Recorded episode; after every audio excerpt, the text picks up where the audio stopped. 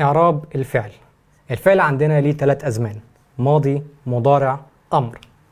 طب عشان أقدر أعرب الفعل بمنتهى البساطة لازم أحدد زمنه. أنا عارف إن في مشكلة عند بعض الناس في تحديد زمن الفعل.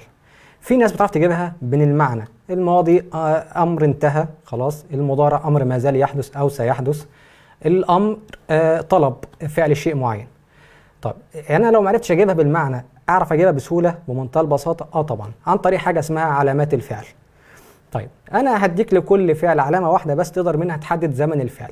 فعندنا الفعل الماضي علامته تاء حط آخر الفعل الماضي حرف التاء لو الفعل الماضي قبل التاء يبقى ده فعل ماضي. أو الفعل آه قبل التاء يبقى ده فعل ماضي. بمعنى كتب كتبت تنفع.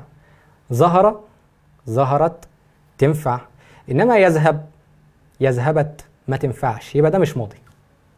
يبقى عندنا بمنتهى البساطة الفعل الماضي علامته حط آخره حرف التاء. طب الفعل المضارع حط أوله حرف السين. لو قبل حرف السين يبقى فعل مضارع بمنتهى البساطة. فالفعل بتاعنا يذهب لو حطيت أوله سين سيذهب قبله يبقى ده فعل مضارع.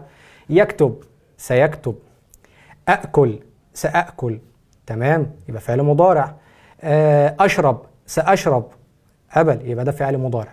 الفعل الأمر بمنتهى البساطة هو أنت بتطلب تنفيذ شيء معين وفي نفس الوقت ما يقبلش لا التاء ولا السين. فأقول لك مثلا اجلس اذهب احضر افهم وهكذا.